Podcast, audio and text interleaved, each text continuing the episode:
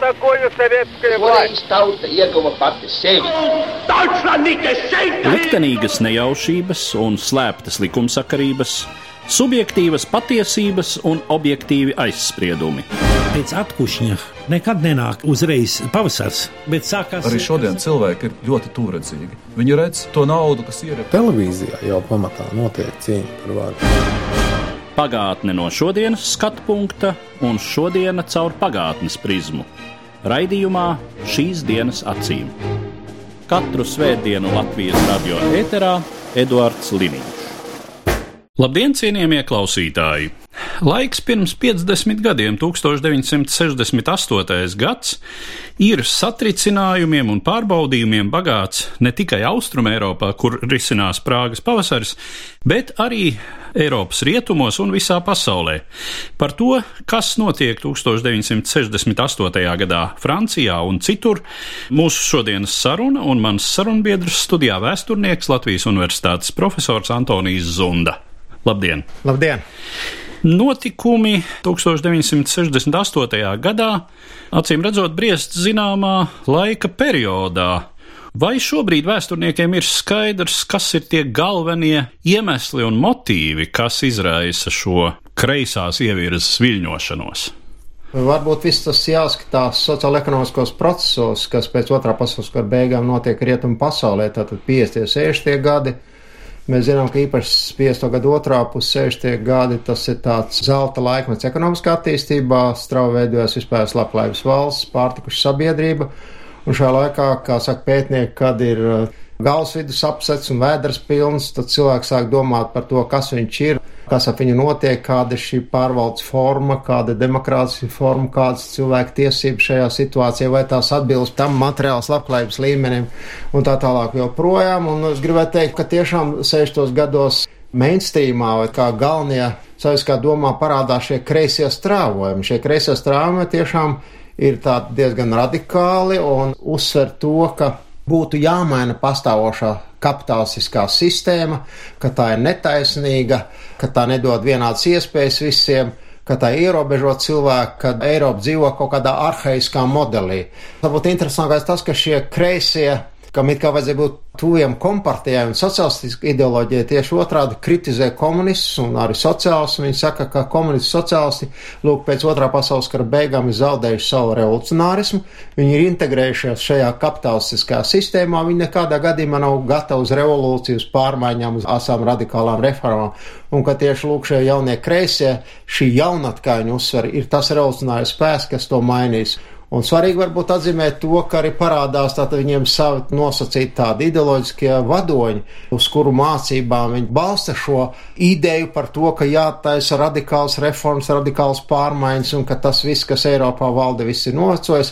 Konkrēti tiek citēti anarchisti, maoisti, trotskisti. No viņam arī tiek smelta šīs idejas par to, ka kaut kas radikāli jāmaina, rīt uz brokastu laiku, nevis evolucionārā ceļā pakāpenis, kā arī strādnieku šķira nav tā, kas pēc marksismu teorijas būs nu, tas priekšpuls, kas izsauks šīs pārmaiņas. Lūk, šādas idejas ir ļoti populāras un interesanti tas, ka šīs kreiso idejas ir pārņemta laika intelektuāļi. Francijā Sartrs ir tas, kas ļoti atbalsta šīs kreisās idejas. Sagāna pazīstamā rakstniece, kas uzrās ļoti slavenu romānu pa jaunatni. Līdz ar to tas nav šauras sauņas ekstrēmistu vai šauras cilvēku grupas uzskati un tā tālāk. Ar šo jauno kreisām idejām nevis ir aizrauti, to viņas atbalsta sabiedrības zemākie slāņi, masturīgākie slāņi, bet tieši otrādi vidusslāņi ir tie, kas iesaistās šajā kustībā aktīvi. Tas ir tās liels pārsteigums un konkrēti atsevišķi redzam vēsturnieki, kas pētījuši sociālpolitisko vēsturi 60. gados un konkrēti man tuvākie britu vēsturnieki. Tāds Arturs Marviks runā par 60. gadu revolūciju Rietumē Eiropā. Ar šo revolūciju arī domādams šīs idejas par pārmaiņu nepieciešamību, šīs kreisās idejas, kas šai kā viņš teica, sakārtotai pārtikušai sabiedrībai bija kā šoks zināms. Droši vien var teikt, ka tā ir paudze, kas ir dzimusi vai nu otrā pasaules kara laikā, vai tūlīt pēc tam, kurai droši vien nav tās zināmā mērā pateicības izjūtas par to sistēmu, par to politisko konjunktūru, kas ir sakārtojusi viņu dzīvi pēc otrā pasaules kara satricinājumiem, kas ir uzbūvējuši šo visumā plaukstošo ekonomiku Rietumē Eiropā, un līdz ar to jā, jauna prasība pēc ētiski pareizākas. Taisnīgāks, Tieši tā, taisnīgākas dzīves kārtības. brīvības lielāks. Kaut kur varbūt var saskatīt paralēles ar vēl vienu gadskaitli, kas noslēdzas ar 8, ar 1848. gadu, kad paudze, kura priecājas par to, ka liela kara satricinājumi ir pāri, pamazām no skatuves noiet, un nāk jaunā paudze, kura grib brīvību. Pie kam šajā gadījumā tas laikam ir diezgan būtiski. Tūdaļ teikt, ka šī jauno kreiso kustība rietumos nav komunistiskās padomju savienības inspirēta. Mēs varam droši teikt, ka neviens no nopietniem pētniekiem neizvirz apgalvojumu, ka šajos sociālpolitiskos satricinājumos, ka 60. gadu otrajā pusē un konkrēti 68. gadā ļoti dziļi skaļ Francija, jo tas tiešām izsauc hausu un ir zināmā mērā varbūt tāda pirmsrevolucionāra situācija, pat revolucionāra situācija, ja mēs runājam par šo satricinājumu dziļumu ekonomikā, politikā, demokrātijā, cilvēktiesībās un visur, tad tiešām neviens nopietns pētnieks nevienos avotos nav atrasts norāda par to, ka Maskava to inspirējis, Maskava to apmaksājis. Visi pamatos to skaidro par šiem jauniem kreisiem, ar šiem intelektuāļiem, ar studentiem, šie kreisie studenti bija ieguvuši vadošas pozīcijas, un tādā veidā varbūt no ar šo savu maksimālismu, tā nosacīt, teiksim, ar savu deksmi, izsauc rezonanci, kam pievienojas bez šaubām nosacīt ne tikai studenti, bet arī vecāko klašu skolnieki, pat strādnieki, kas saskatīja izdevību un iespēju veikt tiešām kaut kādas reformas viņu sociālā nodrošinājuma paaugstināšanā, darba algā. Līdz ar to kreisā ideoloģija iesētā sēkla atrada auglīgu augsni, viņa zināsnes un īsu laiku posmu gāja dziļumā un plašumā, un tā bija liels atbalsts.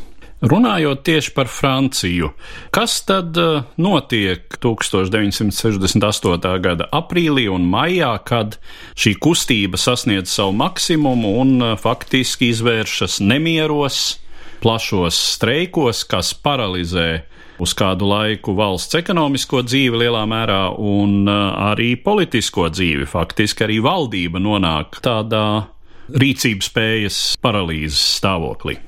Satricinājumi bija tik plaši, ka 1968. gada 13. maijā De Gaulle atlaiž Nacionālo sapulci un izsludina ārkārtas vēlēšanas. Viņš 13. maijā dodas uz Vācijas Federatīvo republiku uz Bādenu-Bādeni, tieks ar franču kontingentu vadību, štāba priekšnieku un komandieru Vācijā ar ideju, ka ir laiks iesaistīt bruņotos spēkus šo nemieru apspiešanā, kas pārņemš ne tikai Parīzi, bet ļoti lielu Francijas daļu.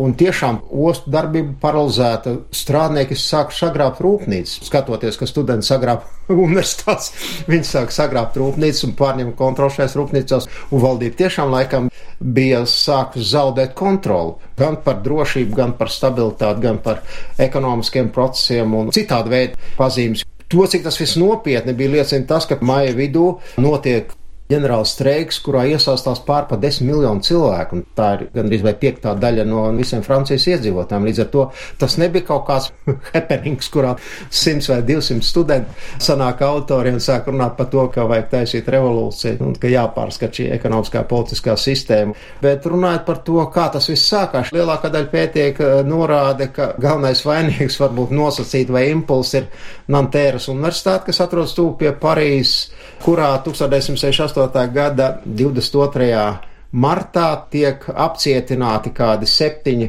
šīs universitātes kreis orientēti aktīvisti studenti, kas ir apmētājuši divas dienas iepriekš American Express birojā ar akmeņiem, tur ar molotovu kokteļiem, lai protestētu pret karu Vietnamā, pret imperiāls un tā tālāk joprojām. Bez šaubām valdībai kaut kā jārīkojas, šo studentus apcietina un 22. martā sāk stihisku protestu šo Nantēras studentu vidū par to, lai atbrīvotu šos apcietinātos. Un šie protesti ir kā dzirkstele benzīnā, nu tā tad iedzendina tādu lielāku liesmu, un studenti sāk pulcēties šīs Nanteras universitātes auditorijās un sāk runāt par to, ka vajadzētu ne tikai panākt šo aktīvistu atbrīvošanu, bet vajadzētu veikt ar reformas izglītības sistēmā un vispār reformas valstī, ekonomikā. Viņi saka sekojošo auditorijas ir pārpildīts, izglītības sistēma ir arhaiska, universitāšu vadība strādā pēc 19. gadsimta, 18. gadsimta principiem, studentiem nav nekādu tiesību, mācību programmas ir absolūti neatbilstoši laika garam, ka tur tiek pasniegt priekšmeti, kas viņiem nav vajadzīgi. Un ļoti interesanti, ka atsevišķi pētnieki norāda ar teiksim, tādu seksuālo problēmu aktualizēšanos Nantēras universitātē tādā ziņā, ka tur darbojas nolikums, kas aizliedza apmeklēt puišiem meiteņu kopmīs un meitenēm puišu kopmīs. Tie studenti aktīvisti teica, ka tas pēc viņu domām ir absolūti nepieņemam tādā demokrātiskā brīvā valstī un ka arī to vajadzētu pārskatīt. Sākumā it kā fokusēties tikai uz izglītību, mācību programmu maiņu, pasniedzēju maiņu, jo viņi arī uzskatīja, ka ir pasniedzēji, kas strādā pēc vecām metodēm, un ka tagad 20. gadsimta 60. gadi, un ka tas viss ir simt gadu atpakaļ jau bijis. Uz visu tā pamata sāk veidoties ideja par to, un šeit tiešām galvenie vaininieki šie jaunie kreisie konkrēti tāds Daniels Konbendits, Vācijas ebrejs, kas studē šajā Nanteras universitātē. Viņš saka, ka mums vajadzētu skatīties mazliet plašāk, globālāk, ka mēs nevaram te panākt šīs reformas universitātē, ja mēs nereformējam un neveicam kaut kādas pārmaiņas visā valstī. Līdz ar to jautājums no šauras Nantēras universitātes problēmu risināšanas sāk iegūt ar vien globālāku raksturu. Nedēļu vēlāk, 29. martā, pēc šīs Nantēras universitātes studentu uzstāšanās, un viņi izveidoja 22. marta rīcības komiteju, kas jau ir kā centrs kļūst. 29. martā arī Sorbonā notiek līdzīgs studentu mītiņš, kurā šie aktīvisti piedalās un uzstājas ar ļoti radikālām idejām. Tad, tad arī Sorbonas universitātē viņi atrod dzirdīgas ausis, un līdz ar to nu jau pēc Sorbonas tas viss sāk aiziet dziļumā un plašumā, tāpēc, ka gan Sorbonas universitātes rektors, gan Nantēras universitātes rektors griež pie valdības ar lūgumu iesaistīt policiju, jo šie studenti sagrābuši auditorijas, Nantērā administratīvo korpusu un paralizējuši universitātes darbību. Rektori domāja, ka iesaistot policiju, viņiem izdosies atrisināt visas šīs nemiera lietas un nosēsties pie sarunu galda un tad kaut ko praktiski izdarīt, bet pasākums bija pilnīgi pretējs. Policijas piesaistīšana šo studentu aktīvistu arestu izsauca pretēju vilnu nemieru pieņemā spēkā, viņi sāk iziet uz ielas, Latīņu kvartālā pat sāk celt barikādas, tas jau ir nopietni. Runājot par šo laiku, man pirms kādiem pāris gadiem bija saruna ar Sorbonas Universitātes vēstures profesori Fransuāzu Tomu, kura tieši tajā laikā bija studente. Viņas atmiņās dažas to radikāli noskaņoto studentu izdarības bija tādas stipri hunveibīniskas, varētu teikt, ar fizisku netīkamu mācību spēku aizskaršanu, iebrukšanu auditorijā lekcijas laikā pie profesora, kurš lūk ir vecmodīgs, atņem viņam brilles, nomet zemē sabradā, piedraud vēl iekaustīt, nu, un tad izklieguši dažus lozungus dodas ārā. Arī tādas izpausmes, tā ka droši vien rektoru Lūgums. Jā. jā, nebija liekas, jā, un nebija no tukša gaisa grābts. Bet, ziniet, to traktē ļoti neviennozīmīgi, jo Sorbonas universitāte, kam tajā laikā laikam bija 700 gadu jubileja, 6. gadu otrajā pusē pētnieki atzīmē sagoši, ka tas pirmo reizi Sorbonas universitātes vēsturē, ka policijas spēki tiek aicināti, lai ievestu kārtību, ka vienmēr Sorbonas universitātē valdīs akadēmiskais gars, brīvība un tā tālāk. Vēl šausmīgākas lietas tur notika. Attiecībā uz šo pasniedzēju aizskaršanu, attiecībā uz administratīvā personāla aizskaršanu, izdzīšanu no viņa darba telpām un vispārējais, kas tur sekoja aprakstīšanas sienu, tur auditorijās un pagalmos un koridoros. Tas viss notika, bet stāsts jau bija tāds, ka kāds sāk trakot, tad arī pūls ir kā pavalkās līdzi. Pūls varbūt pat nedomā līdzi, ar ko tas var viss beigties, kāds tam būs seks. Tas bija interesanti. Tāda izlaušanās, kā viņi teica, ziniet, mums ir krājies viss tas tik ilgi, mēs esam jauni, mums ir enerģija, mēs gribam visu gatavu rīt. Nevis kaut kad, ko parāda šie lozungi.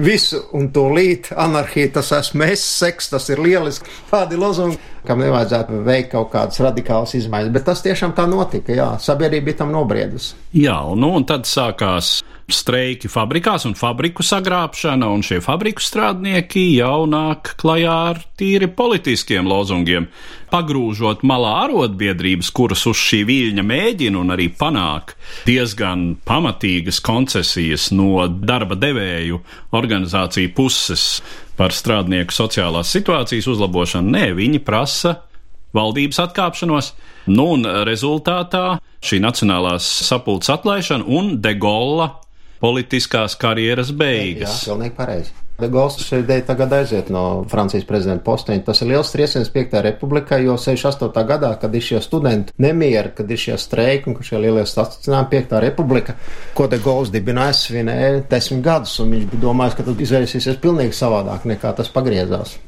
Kā tas ir ar kola politiku un gollismu? Cik lielā mērā tas ir bijis iemesls visam šim? Ziniet, nosacīt vajadzētu teikt, ka bija iemesls. Tāpēc, kad varbūt visā šajā pēckara periodā Francijā, sākot no 45. gada, kad beidzās karš, līdz 58. gadam šīs četrās republikas laiks saisties ar tādu sarežģītu nenoteiktību, biežām valdību maiņām, politisko sadrumstalotību, zināmā mērā tādu valsts ārpolitiskā kursa neskaidrību, De Gaulam pēc kara beigām bidēja par to, ka Eiropa veidos kaut kā trešo spēku, ka viņam bija tādas lielas ambīcijas, ka Eiropa nostāsies kaut kur kā trešais spēks ar Ameriku un Padomu sēnību. Un viss tas arī fokusējās uz šīs ceturtās republikas rezultātiem, un kur sāpīgā lieta bez šaubām Francijai tajā laikā 50. gados vēl bija šī dekolonizācija un Alžīras problēma. Un lūk, šī viļņa arī 58. gadā De Gauls nāk pie varas, izveido prezidentālo republiku ar ļoti plašām pilnvarām, sāks tā saucamais piektās republikas laiks. Un, un sabiedrība laikam bija apmierināta tajā laikā, jo tiešām hauss beidzās, stabilitāte sākās un it kā arī ekonomika gāja uz augšu, ārvalstu investīcijas sāk pieaugt, un Francijā dzīves līmenis gāja uz augšu, bet varbūt lielākais mīnus bija tas, ka Francija atpalika konkrēti no tās tuvākā kaimiņu Vācijas visās jomās, ekonomiskā un sociālā jomā. Zināmā mērā tas varbūt radīja tādu kompleksu par to, ka Francija, salīdzinot ar Vāciju, ir, ir vājāk attīstīta valsts, agrāra valsts, ka tur liels šis lauksainas sektors, ka šī lauksainiecība nav moderna un ka Francija varbūt neiekļaus kādus 15 gadus pēc kara beigām šai vadošo valstu grupā pilnā apjomā. Un sabiedrībā, un ne tikai sabiedrībā, bet arī ekonomiskā un politiskā elite briedi neapmierinātība ar šo de Gaulle režīmu, ka viņš ir tāds arhaiski centralizēts ka tas neatbilst laika garam, salīdzinot ar pārējām valstīm, un ka, lūk, viņa laikā nav notikušas dziļas sociālas, ekonomiskas arī politiskas reformas, ka nav šī cilvēku līdztiesība panāk sabiedrībā, nav šī vienlīdzība, nav vienādas politiskās tiesības visiem, nav vienādas ekonomiskās iespējas visiem, un lūk, sakarā to, ka šī labklājība tomēr augus 60. gados. Tā tad jau varēja sākt domāt arī par šo sociālo un politisko jomu. Līdz ar to, laikam, sabiedrībā kaut kādos slāņos arī brieda neapmierinātība ar šo de Gaulle režīmu, kā arhaisku, centralizētu, zināmā mērā, kā prezidentālā valstī ar autoritāru režīmu, jo de Gaulle teica, es viens pieņemšu lēmumu, jo man ir šīs pilnvaras un es par to atbildu. Viņš pat nekonsultējās ar ministriem atsevišķos gadījumos. Zināmā mērā, laikam sabiedrība jau bija nogurusi, jo viņš jau bija pie varas diezgan ilgi bijis. Un, ziniet, ka cilvēks ir vairāk kā desmit gadus pie varas. Šis Orwells, ko viņš tur darījis, bija tātad kara beigās, un, šajā Francijas atbrīvošanā no nacismu jau bija zudis, un nākus bija jauna paudze, un viņai neko nenozīmē vecā vara šī autoritāte. Un līdz ar to tas, lūk, viss sumējoties kopā arī noveda pie tā, pie kā viņš noveda. Te gan jāsaka, ka visu šo satricinājumu rezultāts nav radikāla maiņa tā nav. Piektās republikas bojāja, kā tas bija ar Ceturto republiku desmit gadus iepriekš. Kā tad tas viss noslēdzas? Šeit šis stāsts ir ļoti interesants, jo daudz pētnieku saka tā, ka šī sociāla politiskā revolūcija, tā Martus Marviks saka, viņš uzrakstīs ļoti interesantu tādu grāmatu sociāla politiskās revolūcijas Eiropā 60. gados, ka viņš arī runā par Franciju, runā par Vāciju, runā par Itāliju. Runā arī par Lielbritāniju, kur tas bija daudz, daudz atšķirīgākā formā. Viņš saka sekojošo ka laikam politiskās sistēmas, kas bija pie varas, spēja adekvāti reaģēt. Degauls uzstājās ar plašu radiorunu maija beigās un jūnija sākumā, ko viņš teica, ko mēs Francijā gribam izvēlēties. Mēs gribam izvēlēties šo anarhismu, haosu, vardarbību, šo streiku, šo nenoteiktību, vai mēs gribam tātad stabilitāti, Un es solu, ja jūs atbalstīsiet mani, mēs veiksim dziļas reformas, demokrātizēsim šo sabiedrību un mēs ļausim konkrēti attiecībā studentiem. Viņš teica, students iesaistīsim studentu pašpārvaldē, viņiem būs savs vārds pasniedzēja ievēlēšanā, universitātes aktuāli jautājumu risināšanā. Jums nevajadzēs, kā jūs tagad darījāt, iet autori raud brīvs pasniedzējiem no sadragāt viņus un teikt, ka viņš lasa neatbilstoši šo kursu laikmetu prasībām. Jūs varēsiet to izdarīt civilizētā veidā, jo jums būs šāds mehānisms. Tas aizskāra ļoti plaši plašs vidusslānis. Jūnijas sākumā, kādā 4. un 5. jūnijā, notiek ļoti plaša, apmēram pusmiljonu cilvēku liela atbalsta demonstrācija Parīzē, kurā izsaka atbalstu de Golam par to, ka lūk notiks nacionālā sapulces vēlēšanas, ka notiks reformas, reorganizēta tiks valdība,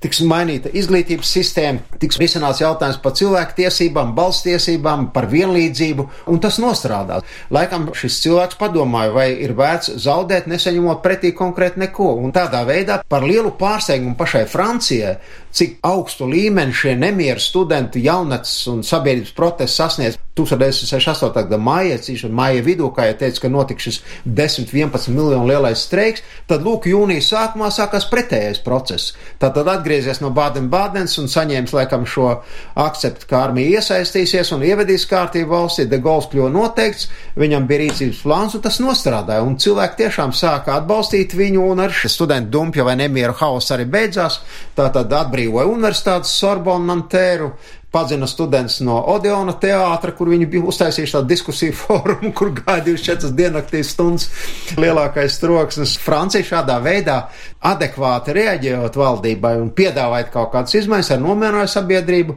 veic šīs izmaiņas un ievadīja valsts attīstību tādā normālā plauksošā gultnē, tā varētu teikt. Un golisti šais vēlēšanās guva absolūti grandiozu uzvaru, šķiet, te ir trīs ceturtdaļas parlamenta vieta. Balss, jā, kas apliecināja to, ka sabiedrība ir izvēlējusies šo ceļu, stabilitāti, reformas, dzīves līmeņa pieaugumu, tiesību pieaugumu, nevis šo haosu un šo satricinājumus un šos izaicinājumus, šo anarhismu, varbūt, kas bija iestājies konkrēti 1968. gada aprīlī, maijā Francijā. Un kas arī tikai runā par labu De Gaulam kā politiķim un kā personībai, viņš gan saprot, ka viņa laikmets Pagājus, ir pagājis. Viņš aiziet, atstāja savā vietā visnotaļ spējīgu, cienījamu turpinātāju, līdz tam premjerministru Žoržu Pompidu, kurš kļūst par prezidentu un ir prezidents Francijā 70. gadu pirmajā pusē. Runājot par pārējo Eiropu, kā tā rezonē uz notiekošo, kādas tur ir šīs jaunā kreisuma izpausmes un kā tur esošās politiskās sistēmas absorbē šo jauno kreiso strāvu. Francijas studenti, jaunatnes nemieri tiešām zināmā mērā izsauc rezonanci arī citās Rietumē Eiropas valstīs, un vistipiskāk, vispilgtāk tas parādās Rietumberlīnē, Rietumvācijā, parādās ļoti labi arī Itālijā diezgan radikālās formās, bet daudz mierīgākā veidā tas parādās Lielbritānijā. Ja skatāmies pasaules kontekstā, tad man liekas netaisnīgi aizmirst, vismaz atsevišķi pētnieki to norāda, ir tai pašā laikā studenti nemieru Meksikas universitātēs, kur gāja bojā vairāk kā simt cilvēku pat nošāva valdību, lai šos dumpus apklusinātu.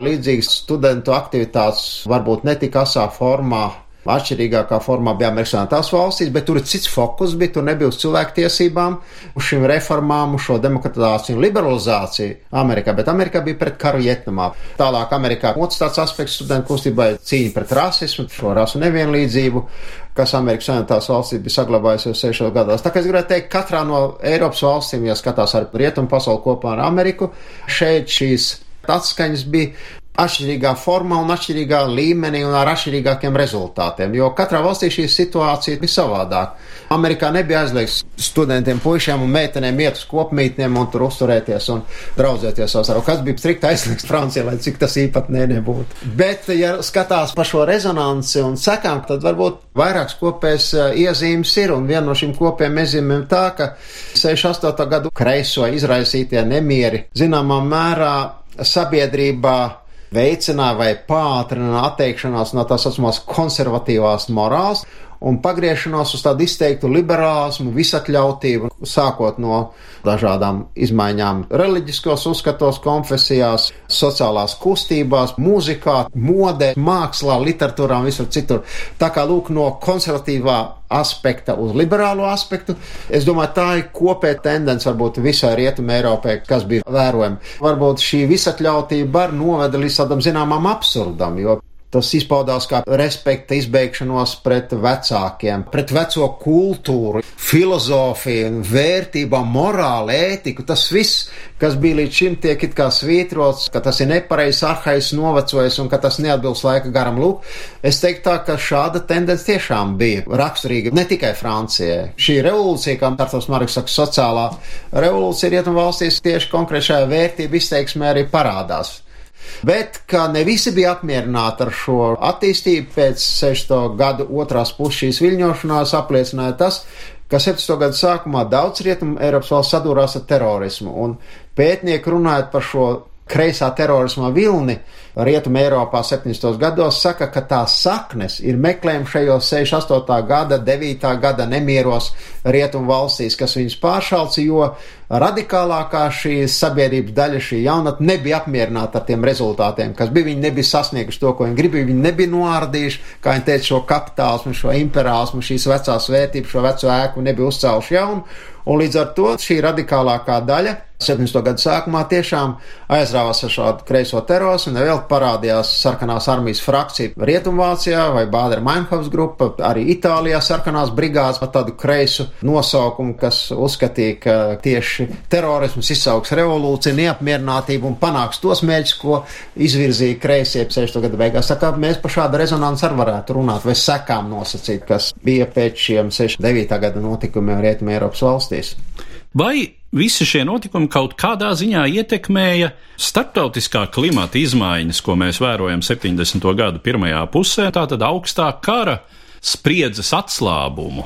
Noteikti ietekmē, jo ir atsevišķi starptautisku attiecību pētnieki, Pietrauskis. Viljams arī viņi saka sekojošo, ka viennozīmīgi šie nemieri, šīs uzstāšanās, kur viens no aspektiem bija pretkara kustība, cīņa pret šo kodolu sacensību, cīņa pret kodolkara draudiem, jaunu konfliktu izcēšanās iespēju bez šaubām nevarēja atstāt ietekmi arī uz augsto karu, uz rietumu un austrumu, tātad PSRS un rietumu valstu attiecībā. Un viņi uzsver to, ka tiešām ar 1968, 69, vai tīpaši 70 gadu nonāk pie atziņas, ka pēc trešā pasaules kara nākošā kara nevar būt, un līdz ar to, lai tāda situācija nepieļautu pasaules bojē, nu, kaut kas jāsāk darīt, un mēs varam atzīmēt to, ka šī atziņa par kodolkara briesmām, cilvēks iznīcināšanas briesmām, par šīs kodola sacensības bīstamību noveda pie tā, ka Rietum un Austrum vienojās par nepieciešamību stiprināt drošību Eiropā un pasaulē, mēģināt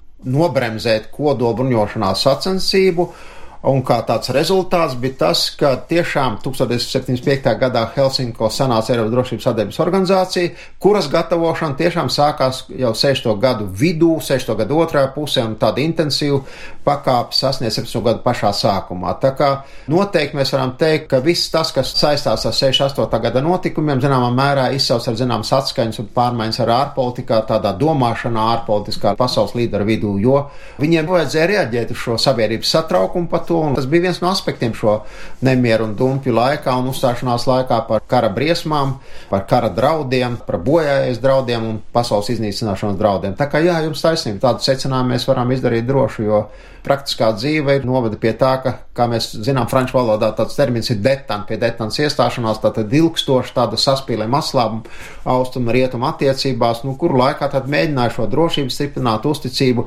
mēģināt nobremzēt šo kodolu bruņošanās sacensību, mēģināt mazināt kara draudus. Tas tiešām zināmā mērā ir saistāms ar šo prasību, kas tika izvirzīta šo notikumu laikā gan Parīzē, gan arī citur, tīpaši Vācijā. Vai ir konstatējama kāda reakcija uz to, kādas atskaņas padomju bloka valstīs. Nē, es lasīju nevienu nopietnu pētījumu par rezonantu padomu senību. Es lasīju padomu vēsturnieku pētījumus par šiem studentu nemieriem Francijam. Tātad tur, ka tur kapitāliskās iekārtas krīze tā ir un, un stagnācija nodas pie tā, ka sabiedrība iet uz barikādēm, tur, ka policija Latīņa kvartālā grauj barikādas, tas atgādina tātad kaut kur jau Petrogradā notikums 17. gadā. Bet es neesmu lasījis nevienu, ne mūsdienu Krievu, ne padomu laiku pētījumu par šo studentu nemieru kādu praktisku atskaņu uz padomu savienības valdību, izglītības politiku un tā tālāk. Kaut kādas atskaņas sabiedrībā bija, bet visdrīzāk netiešas, kas saistījās ar šo jauno jūsu piesaukto kultūras parādību, izplatīšanos, kuras līdz šejienei tā vai citādi nonāca. Protams, bija iedvesmojošs, protams, bija interesants. Es domāju, ka, ja runā par tādu varbūt neformālu šo reakciju padomu saimnībā un konkrēti Latvijā, nu tad tā droši vien ir tāda hipija kustība, kas sāk aktivizēties Latvijā. Tas noteikti atstāja kaut kādu ietekmi uz neoficiālu muziku un, un mākslu. Mēs taču zinām, ka zināmā mērā šāds undergrounds pastāvēja jau, un to varētu tā saistīt, bet es šeit Latvijā neesmu izlasījis tādu konkrētu pētījumu par to, kā šie Francijas notikumi vai notikumi rietumē konkrēti fokusējās uz Latviju. Bet attiecībā uz šiem hipijiem, uz jauniem virzieniem mākslā, mūzikā un uz kaut kādām underground, to varētu sasaistīt tādā veidā ar notikumiem Eiropā un Francijā konkrēti. Par brīvību, tā skaitā seksuālo brīvību. Ar tādiem secinājumiem tad mēs arī noslēdzam mūsu šodienas sarunu, kas bija veltīta 1968. gada nemieriem satricinājumiem Rietumē Eiropā. Un es saku paldies manam sarunbiedram, vēsturniekam, Latvijas Universitātes profesoram Antonijam Zundam. Paldies! Katru svētdienu Latvijas radio viens par pagātni sarunājas Eduards Līniju.